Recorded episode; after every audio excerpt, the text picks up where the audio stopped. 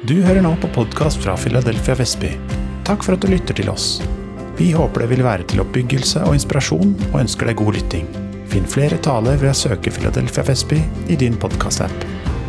Veldig hyggelig å kunne få lov å være med her på den første søndagen i 2020.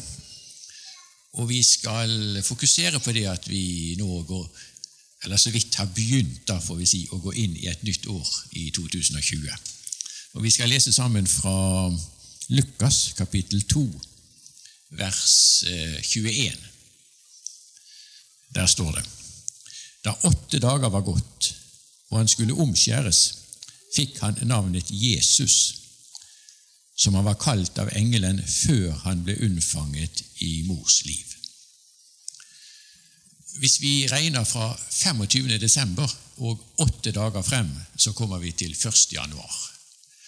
Så ut fra kirkeåret, som vi nå gjerne ikke følger i pinsemenigheter, men ut fra kirkeåret så er det sånn at første nyttårsdag det er Jesu navnedag. Det var den dagen han fikk navnet Jesus. Og Jeg syns det er veldig passende det at eh, nettopp første nyttårsdag kalles for Jesu navnedag. Den dagen han fikk navnet Jesus. For det betyr at vi skal få lov å gå inn i det nye året i Jesu navn. Og vi skal få lov å legge det gamle året bak oss, også i Jesu navn. Bare litt sånn historisk først. 25. desember. Eh, da er det ut fra tradisjonen slik at man tenker at Jesus ble født på natten. Hyrdene holdt jo nattevakt over Jorden. Så julaften det er eh, kvelden før Jesus blir født, og en gang etter midnatt tenker man, så blir Jesus født, og da kommer vi til 25. desember. Nå er det jo ikke slik at vi kan si at Jesus ble født 25. desember. Det er en dato som er valgt som dato for å feire Jesu fødsel. Og Bakgrunnen for det er at man i Romerriket eh, feiret eh, solguden på denne datoen. Og, for, og da, når, etter Konstantin den store, mm, da man da eh, fokuserte på kristendommen Konstantin den store han favoriserte kristendommen. Han gjorde den ikke til statsreligion, det ble gjort senere, men han, han ønsket å støtte kristendommen. Eh, og utover på 300-tallet etter Kristus, da dette hendte, så ville man gi denne veldig populære festen nytt innhold, og da ble det veldig naturlig å gjøre det til en feiring av Jesu fødsel. Så Derfor er det vi feirer 25. desember som Jesu fødselsdag. Og Når evangeliet kom opp hit eh, i nord, så eh, feiret man jo de norrøne gudene her og drev med blot for dem. Og da ble også innholdet av, av, den feiringen endret slik at det ble endret til å feire Jesu fødselsdag. Og eh, Hvilket år Jesus ble født, det vet jo vi heller ikke helt sikkert. Det vi kan si med sikkerhet, faktisk, er at Jesus ble født noen år før eh, eh, det året som var for 2020 år siden. Fordi at Herodes den store, som prøvde å drepe Jesusbarnet, han døde fire år før Kristi fødsel. Og Hvis han skulle prøve å drepe Jesusbarnet, så, så måtte han jo nødvendigvis være i live. Så det var en munk på 500-tallet, en abbed. Han het så fint som Dionysius Exigus. Han, når han skulle regne ut eh, årstallet for Jesu fødsel, så gjorde han noen feil med noen få år. Så noen år før, vi kan ikke si helt sikkert når, men noen år før år ett eller null, vi har ikke år null egentlig, så, så ble Jesus født. Men det, er ikke så veldig viktig med disse datoene. Det vi vet, er at han ble født, og at han eh, da levde her og fullførte frelsesverket for oss. Og Siden jeg nå er inne på det historiske, så kan jeg også ta med det at eh, da Josef og Maria etter Moseloven bringer fram Jesusbarnet uh, for omskjærelse, så har det gått åtte dager. og Etter det så skulle det gå ytterligere 33 dager uh, før de kunne bringe fram et renselsesoffer det leser vi videre om her i kapittel 2 i Lukas, da de fordi at de var fattige, ofret eh, noen duer. Og etter det igjen er det at de vise menn kan ha kommet til Betlehem, fordi at ganske snart etter, samme natt får vi inntrykk av, så dro de til Egypt. Så det er ikke helt sånn etter det historisk korrekte at de vise menn kom samtidig med hyrdene til stallen. Det gjorde de nok senere, men de kom. Det er det som teller. Nå vel, vi skal få lov å gå inn i det nye året i Jesu navn. Vi skal få lov å legge det gamle året bak oss. Hva betyr det? Jesus, eh, Paulus skriver i Filippabrevet kapittel 3, vers 13, at han vil glemme det som ligger bak, og strekke seg ut etter det som er foran. Betyr det at vi skal få lov å glemme året som er gått? Skal ikke vi dra lærdom av året som er gått? Har ikke vi mye å takke for når det gjelder året som er gått? Jo visst har vi det. Jo visst skal vi takke for alt det som vi har grunn til å takke for. Og vi skal få lov å trekke lærdommer også av det som har hendt i året som er gått. Men vi skal ikke bli sittende fast i det året som er gått. Så når Paulus skriver at han vil glemme det som ligger bak, så betyr ikke det at han vil glemme alt som har hendt. Men han vil ikke bli sittende fast i fortiden. Han vil være fri til å gå videre inn i fremtiden og strekke seg etter det som ligger foran.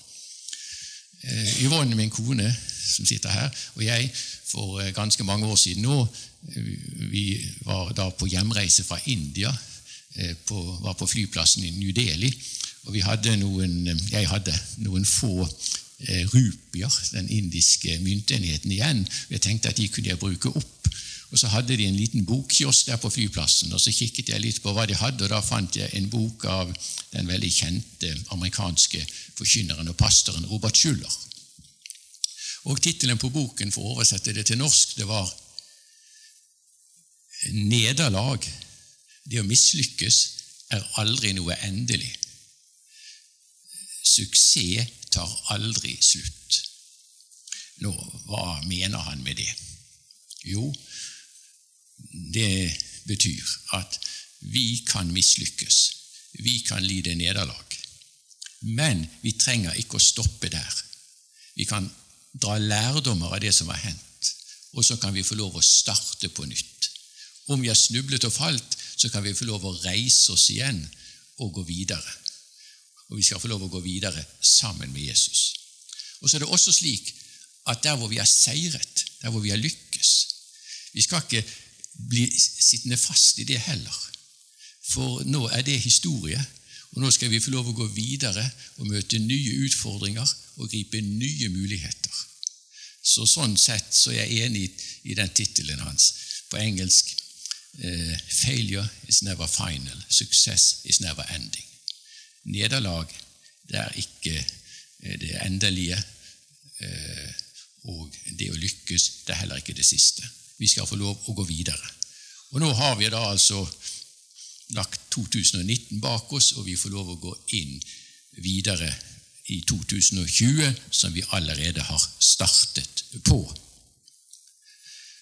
Og vi skal få lov å takke. Noen synes at nok at de har mye å takke for, og jeg hører nok til dem. Andre har kanskje hatt et veldig vanskelig år og synes ikke at de har så veldig mye å takke for. Men det er alltid noe å takke for. Og om ikke annet så kan vi få lov å takke for Guds nåde. Takke for de løftene som har båret oss, og det gudsnærværet som har båret oss også gjennom året som er gått. Vi skal få lov å takke og prise Gud for Hans velgjerninger. Men så skal vi også få lov å legge bak oss året som er gått, i den forstand at vi skal få lov å tilgi. Og vi skal få lov å tilgi andre som vi eh, kan ha opplevd har såret oss, skuffet oss. Vi skal få lov å legge det bak oss og få lov å tilgi i Jesu navn. Det er en veldig sterk historie som illustrerer dette, som eh, Corrie ten Boom forteller. Corrie ten Boom hun fikk en veldig sterk tjeneste for Herren. Under annen verdenskrig så skjulte hun og hennes far og søster jøder i sitt hjem for at ikke nazistene skulle ta dem. Men så var det noen som forrådte dem, og nazistene kom trampende inn, tok jødene. Og så sendte de hennes far i, til én konsentrasjonsleir. De så ham aldri igjen. Corrie og hennes søster Betzy ble sendt til en annen konsentrasjonsleir, som het Ravensbrück. Der døde hennes søster Betzy. Men Corrie overlevde. Og etter krigen begynte hun å reise som forkynner. Og Hun forteller at hun i 1947 kom fra Holland, hvor jo hun bodde, til Tyskland. Og Hun kom med et budskap om tilgivelse. Og var det et budskap tyskerne trengte å høre, så var det budskapet om tilgivelse, at Gud tilgir. At de skulle få lov å legge fortiden bak seg. Det var et bittert og sønderbombet land. Og når hun preker, så virker det som at det, virket at det var vanskelig for disse tyskerne som hun preket for, å ta til seg dette at det finnes faktisk tilgivelse. Og Hun brukte et bilde, hun som kom fra Holland, med havet. At eh, der eh, er det tale om et glemselens hav hvor våre synder skal få lov å bli skjult. Og Der står det også et skilt 'Fisking forbudt', skriver hun. Selv om hun ikke har funnet et bibelsk Eh, som sier akkurat det, så mener hun likevel at det er veldig bibelsk å si det at når det gjelder glemselsens hav, det at våre syndere er tilgitt, så står det 'fisking forbudt'. Hun har så avsluttet prekenen. De går stille ut, alle tyskerne. Men én mann går mot strømmen til henne. Hun kjenner ham igjen, selv om han nå har andre klær på seg. En brun hatt, eh, tror jeg det var, en frakk. Men hun ser plutselig for seg en blå uniform med, eh, med knokler eh, som former et kors. Det var en av fangevokterne i konsentrasjonsleiren Ravensbrück. Hun husket hvor ille han var. Han var en av de verste. Han kommer til henne og sier Takk for talen. Det var en fin tale. Jeg er blitt en kristen nå. Kan du tilgi meg for alt det grusomme jeg har gjort? Han husker nok ikke henne igjen, men han, hun husker ham veldig godt. Det er som blodet i årene fryser til is, sier hun. Hun husket hvor grusom han var. Hun husket beltet, pisken som hang fra beltet hans. Hun husket det store rommet hvor de måtte ta av seg alle klærne, legge alt på gulvet, sko og klær, og passere naken foran eh, ham. Hun husket hvor hun, søsteren Betzy, hvor tynn hun var. Huden over ribbena var som pergament. Hun visste hva Bibelen sa, men hun fikk en kamp med seg selv. Hun visste at hun skulle tilgi, men det var som hjertet frøs av is når hun sto overfor denne mannen, som sier, 'Jeg vet at Gud har tilgitt, men jeg trenger å høre det fra deg også.' Og Det var det som at fordi at hun visste hva Bibelen sier, så tenkte hun at 'jeg kan i hvert fall rekke ut hånden'. Hun gjorde det mekanisk. Hun tar hånden hans. Men idet hun tar hånden hans, så er det en varme som fyller henne. En varme som begynte ved skulderen. En varme som gikk gjennom armen. En varme som fylte hele hennes vesen. Så av hjertet kan hun si, 'Jeg tilgir deg'. Og de står der begge to med tårer i øynene. Hun sier, 'Hva var det som skjedde?' Jo, det er det som Paulus skriver om i Romane 5.5. Guds kjærlighet utøst i våre hjerter ved Den hellige ånd. Dette var ikke hva hun kunne få til. Her strakk ikke hennes egen kjærlighet til. Det er ikke vanskelig å forstå at dette virket for lettvint, egentlig. Å komme slik og si 'Kan du tilgi meg?' etter alt det grusomme som hun hadde vært utsatt for. men som hun også forteller. Hun hadde et hjem i Holland hvor hun eh, eh, talte til kvinner som hadde utsatt, vært utsatt for krig, krigens grusomheter. Hun tok hånd om dem, og hun hadde sett det at de som holdt fast ved bitterheten og ikke ville tilgi, de ble heller ikke legt selv. De ble heller handikappet psykisk og fysisk. Det var en nøkkel til å motta tilgivelse, nettopp det å tilgi. Og det ble hun konfrontert med selv i denne situasjonen. Men det forteller oss at vi skal ikke snakke lettvint om det å tilgi. Sammen med det å tilgi tror jeg nok at vi også må tale om at vi trenger å motta legedom fra Gud. Hvor vi skal få lov å åpne oss for Guds kjærlighet. Og denne Guds kjærlighet skal få lov å lege oss innvendig fra sårene, fra skuffelsene, fra det vonde vi måtte ha opplevet. Og samtidig som at Guds kjærlighet flyter til oss på denne måten og bringer legedom til oss, så skal vi få lov å la denne samme kjærlighet få lov å flyte til andre, slik at vi, utover hva vi makter selv, skal få lov å tilgi i Jesu navn. Fylt av den kjærligheten som flyter fra ham, og få lov å oppleve dette, at Guds kjærlighet blir utøst i våre hjerter ved Den hellige ånd. Og eh, det å tilgi handler ikke bare om å tilgi andre, det handler faktisk også om å tilgi seg selv. Og Det er en veldig kjent sjelesørger som sa det slik Det vanskeligste av alt for et menneske, det er å tilgi seg selv.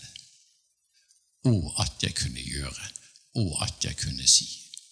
Men fordi at vi skal få lov å motta tilgivelse fra Gud, så skal vi også få lov å motta tilgivelse når det gjelder å tilgi oss selv, og legge fortiden bak oss i Jesu navn, også når det gjelder det som vi selv har gjort, og få lov å gå videre i Jesu navn.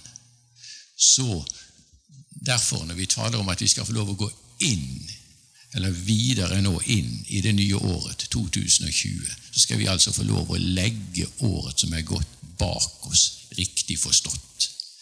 Vi skal lære av det som har skjedd. Vi skal takke for det som har skjedd, men vi skal ikke bli sittende fast i det som har skjedd. Vi skal få lov å legge året bak oss og få lov å gå videre i Jesu navn og få lov å gripe mulighetene som ligger foran oss, og som kommer oss i møte nå når vi går inn i dette nye året. Og vi skal få lov å gå inn altså nå i året 2020 i Jesu navn. Og Det innebærer bl.a. det som Jesus selv lovet oss, som vi leser i misjonsbefalingen, det siste verset i Matteusevangeliet, Matteus 28, vers 20 at Han vil være med oss alle dager inntil verdens ende. Så Han er med oss. Vi skal få lov å regne med Jesu nærvær. Vi skal derfor også få lov å slippe å frykte, få slippe å bekymre oss, som Paulus skriver også i Filippabrevet, kapittel 4, vers 4 og utover. At vi skal få lov å glede oss i Herren alltid. Vi skal ikke være bekymret for noe, men vi skal la i alle ting våre begjæringer komme frem for Gud i påkallelse og bønn med takk. Og Guds fred, som overgår all forstand, skal bevare våre hjerter og våre tanker i Kristus Jesus. Og det at uh,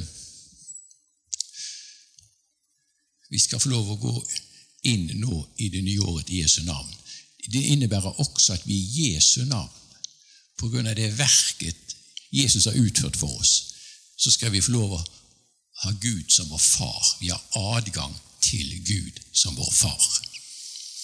For mange år siden, det var helt tilbake i 1984, så var jeg på um, og min kone på konferanse i Uppsala. Og på, på denne konferansen så var det også et pastormøte. Og På den tiden var jeg pastor i en menighet her i Oslo-området. Og eh, På dette pastormøtet så var det en eldre forkynner fra Amerika. Jeg husker ikke navnet på denne forkynneren. Han var kanskje oppe i 80-årsalderen, jeg er ikke sikker. Han gikk rundt og ba for eh, de ulike som sto der, og eh, profeterte over dem. Og Jeg sto der med min kone og vår eldste sønn David, som da bare var et par måneder gammel, og hadde ham på armen sånn her. Så kommer denne forkynneren til meg, og så sier han til meg Du skal undervise mange nye kristne. Når du gjør det, skal du ha tålmodighet med dem. For de kommer ikke til å gjøre alt rett med en gang. De trenger å lære. De trenger å modnes. De trenger å utvikle seg. Så derfor ha tålmodighet med disse nye kristne.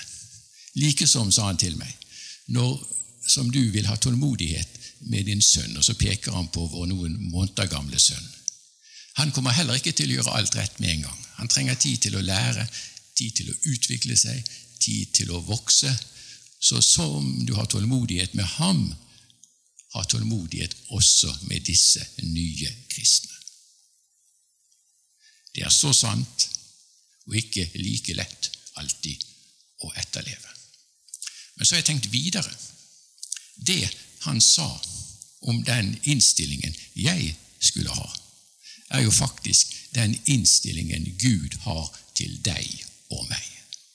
Tenk hvilken tålmodighet Gud har hatt med oss. I hvert fall må jeg si at han må ha tålmodighet med meg, og ha tålmodighet med meg. En enorm tålmodighet. Gud er vår far. Og det er veldig viktig for oss at vi får et riktig gudsbilde. Mange kristne har et veldig feilaktig gudsbilde, og ikke minst hvis man vil ta sin tro alvorlig, så kan man lett havne i det vi kaller loviskhet. Og man opplever Gud som en slags form for slavedriver, som pisker inn og sier 'du skal, du skal, og du skal ikke, og du skal ikke'. Så at en kristenliv blir på mange måter eh, det å forholde seg til masse bud og forbud, og så strever man med det. Og så får man bildet av Gud som en streng far. Dette er, er veldig feilaktig gudsbilde. Det, vi får et bilde av Gud på en helt annen måte når vi, når vi leser Skriften. Han er vår far. Han har omsorg for oss. La oss tenke oss på foreldre. Når eh, barnet blir ca. ett år gamle, for eksempel, så, så begynner de å gå. Og Da er det også helt naturlig at de faller i det de skal lære å gå. Jeg husker vår eldste sønn og yngstemann var det vel likedan med. De, de eh, gikk et par skritt, og så falt de. Og så var det opp igjen. Og hvilke normal foreldre ville da begynne å bli sint på barnet og kjefte på barnet og si 'Kan du aldri lære, liksom? Kan du aldri? Du kommer aldri til å gå.' Jo visst. Man er jo stolt om barnet tar bare ett skritt eller to-tre skritt. Se, han gikk. Se, hun gikk. Og så tar man barnet ved hånden eller og løfter det opp og støtter det, og så går man videre. Slik er det Gud er. Hvis vi skal tenke på eh, et bibelsk fremstilling av Gud, så kan vi bl.a. gå til lignelsen om den fortapte sønn, eller den bortkomne sønn. Faren i den lignelsen beskriver for oss hvordan Gud er den innstillingen denne faren hadde, den holdningen han hadde, den måten han møtte sin hjemkomne sønn på, den beskriver hvordan Gud er. Så Derfor skal vi få lov å tenke om Gud som far. Og Vi trenger faktisk en åpenbaring av, av, dette. Hvem er Gud? Jo, han er min far. Og Vi skal få lov å hvile i hans kjærlighet. Så enten vi lykkes eller mislykkes, så er vi elsket av ham. Vi er elsket på grunn av den vi er. Og Det som også har gjort dette mulig, og som er grunnlaget for det, er jo det verket Jesus har gjort for oss da han døde for oss på korset, da han sonte vår synd. Vi er tilgitt, og vi skal få lov å leve i tilgivelse. Og når vi da, med troen på Jesus og på grunn av det verket han har gjort for oss gjennom sin død og sin oppstandelse, når, når vi gjennom det er blitt Guds barn, da er vi barn. Og Da er, behandler Gud oss som gode foreldre, som perfekte foreldre skal behandle sine barn. Nå gjorde det et veldig sterkt inntrykk på meg da jeg hørte deg, Rune, fortelle om din egen erfaring når det gjelder far. Eh, og Jeg tenkte på det i denne forbindelsen her eh, når det gjelder det som jeg nå deler. For det er jo ikke alle som har hatt en eh, god opplevelse av sin egen far. Det er jo dem som har veldig vonde minner knyttet til sin far. Og Da kan det være vanskelig å forholde seg til dette med Gud som far, og oppleve Gud som far. Og Når det er situasjonen, da trenger man at Gud kommer inn med sin legedom og leger og gjenoppretter, slik at bildet av Gud som far kan bli slik som vi ser ut fra Bibelen at det faktisk skal være.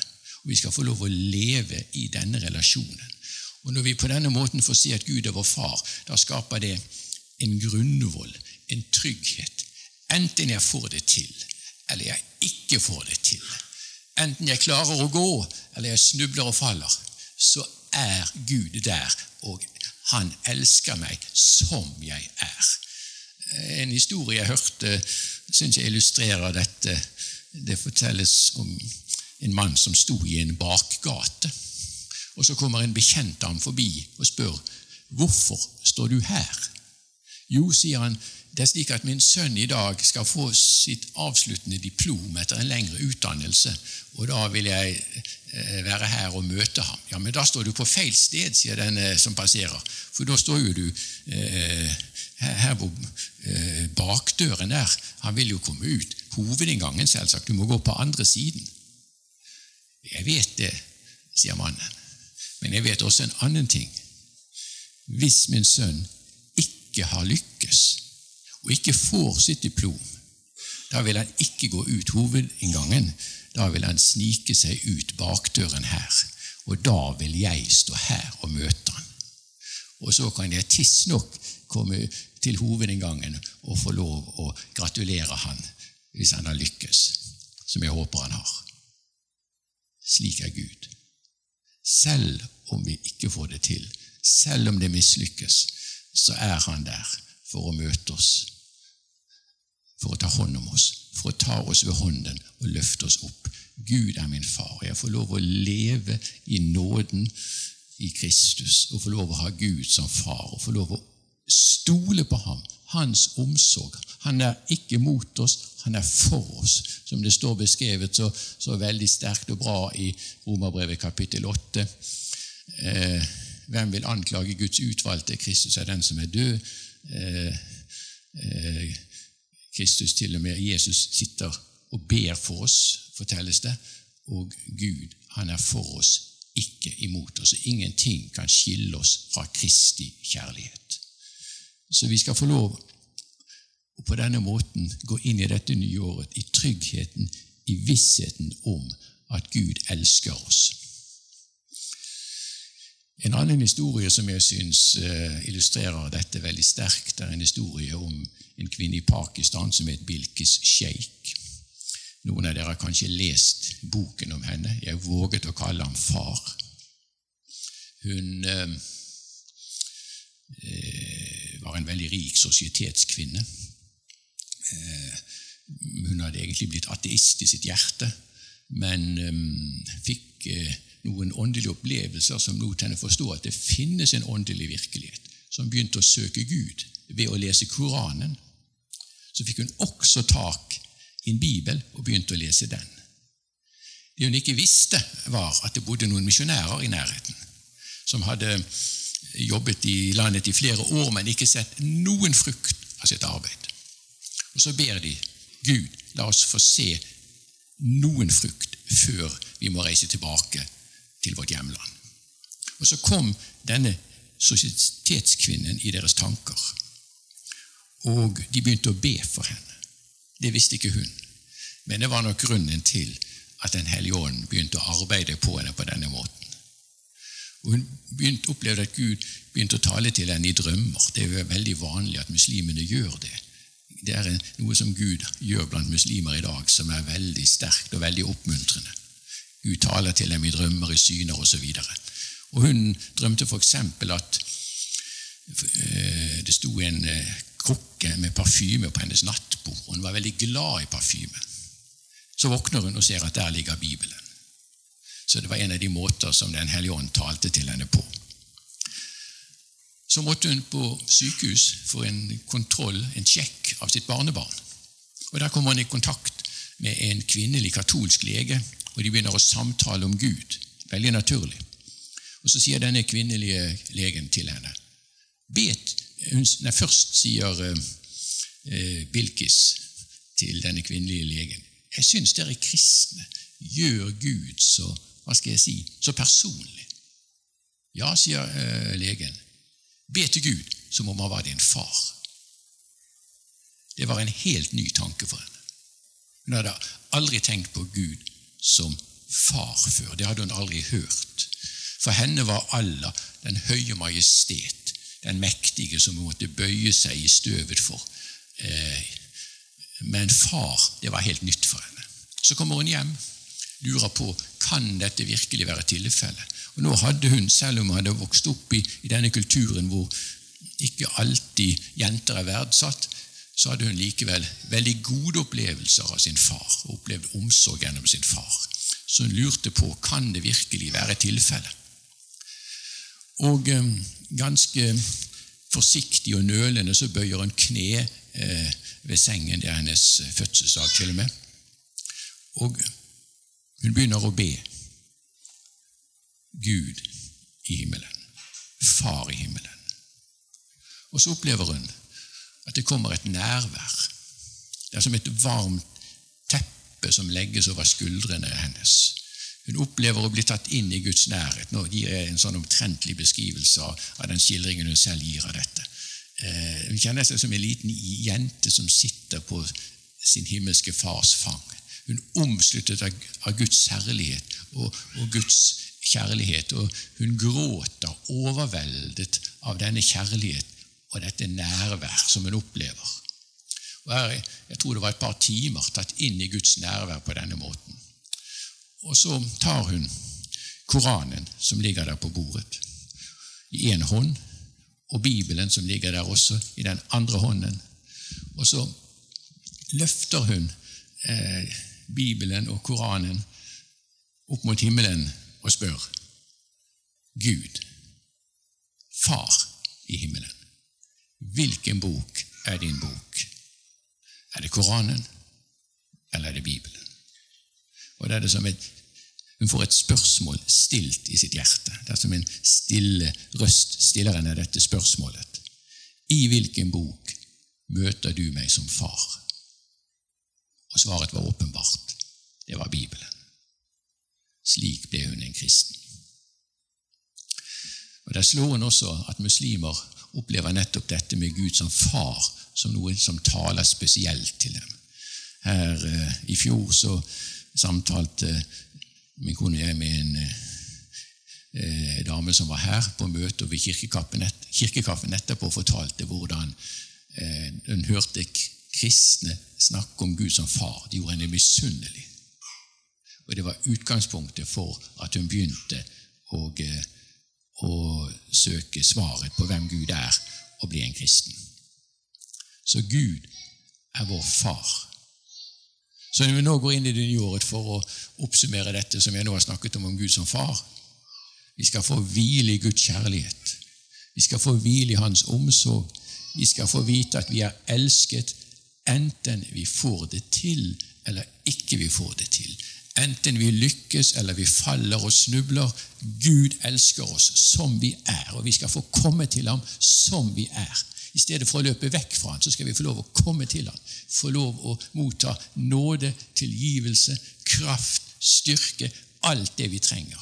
Og så skal vi få lov å legge vår svake hånd i hans sterke hånd, og så skal vi få lov å gå sammen med ham, styrket av ham, og om nødvendig også båret av ham videre inn i dette nye året som vi nå har begynt på.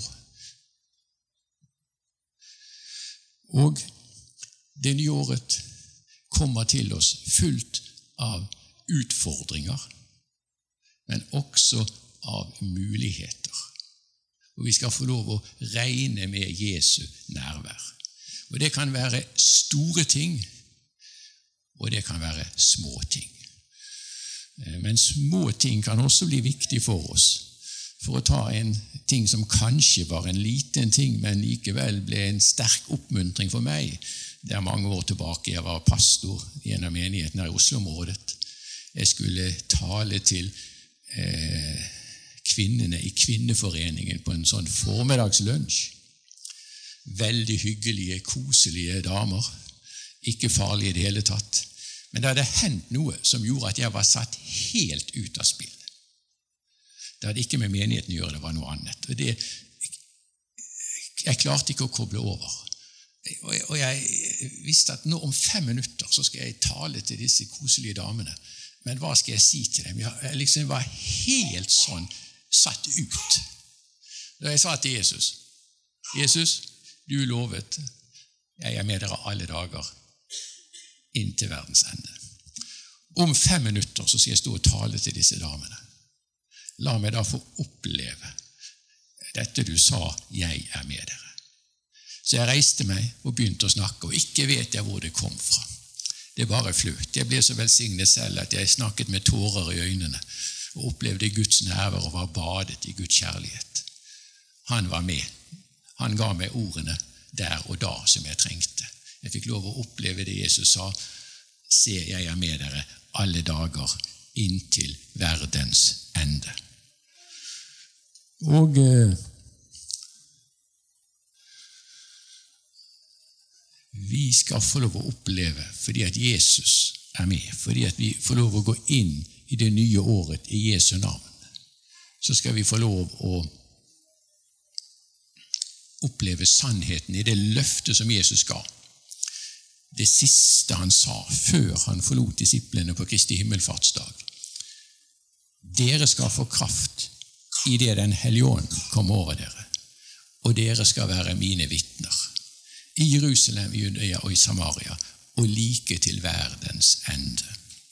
Og dette med at uh, vi skal få kraft til å være vitner, det innebærer mye.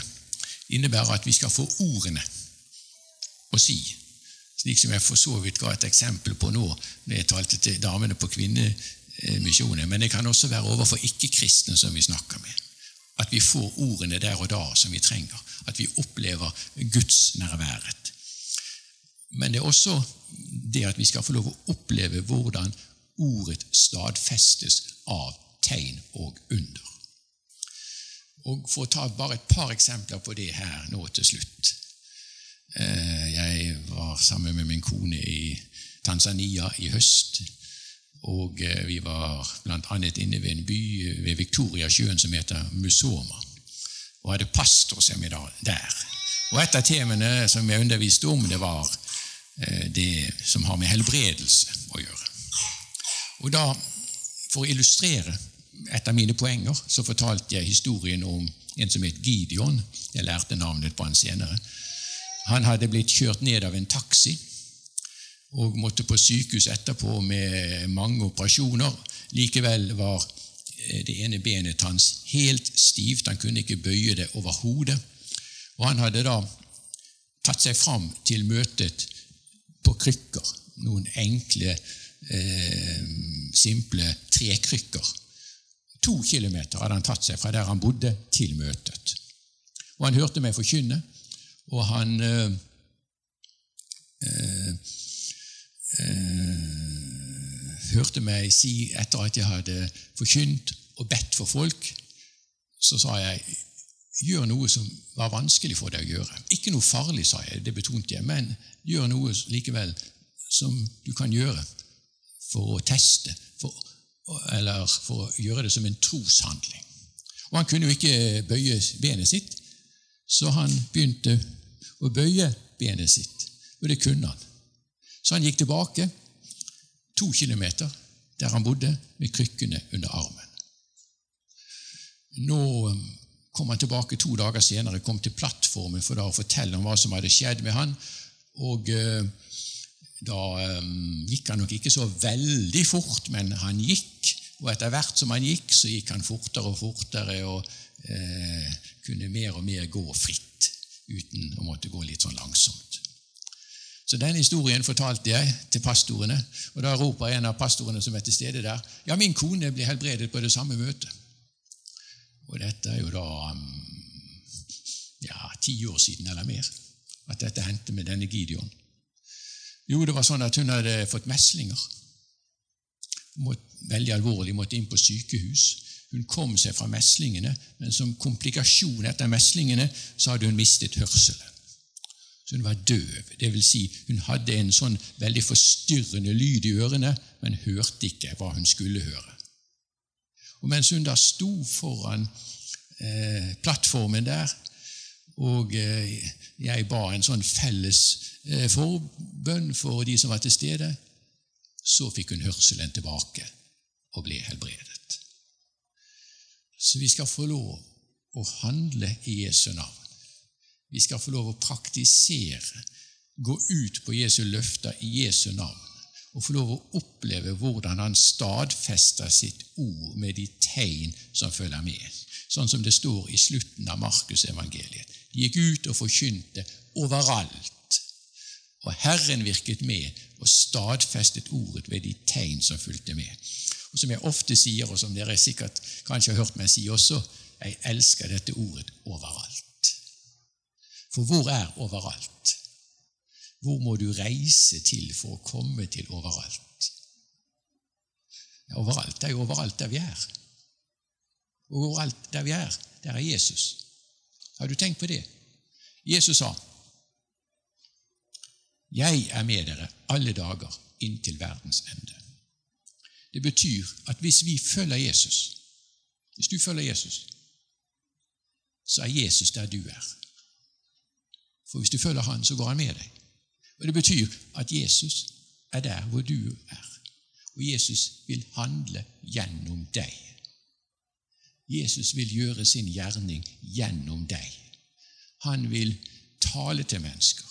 Du skal få lov å vitne for mennesker i den kraft som Den hellige ånd gir, slik at menneskehjerter blir berørt, slik at menneskehjerter smelter, slik at ordet når inn og gjør sin gjerning. Vi kan ikke gjøre det, det er umulig for oss.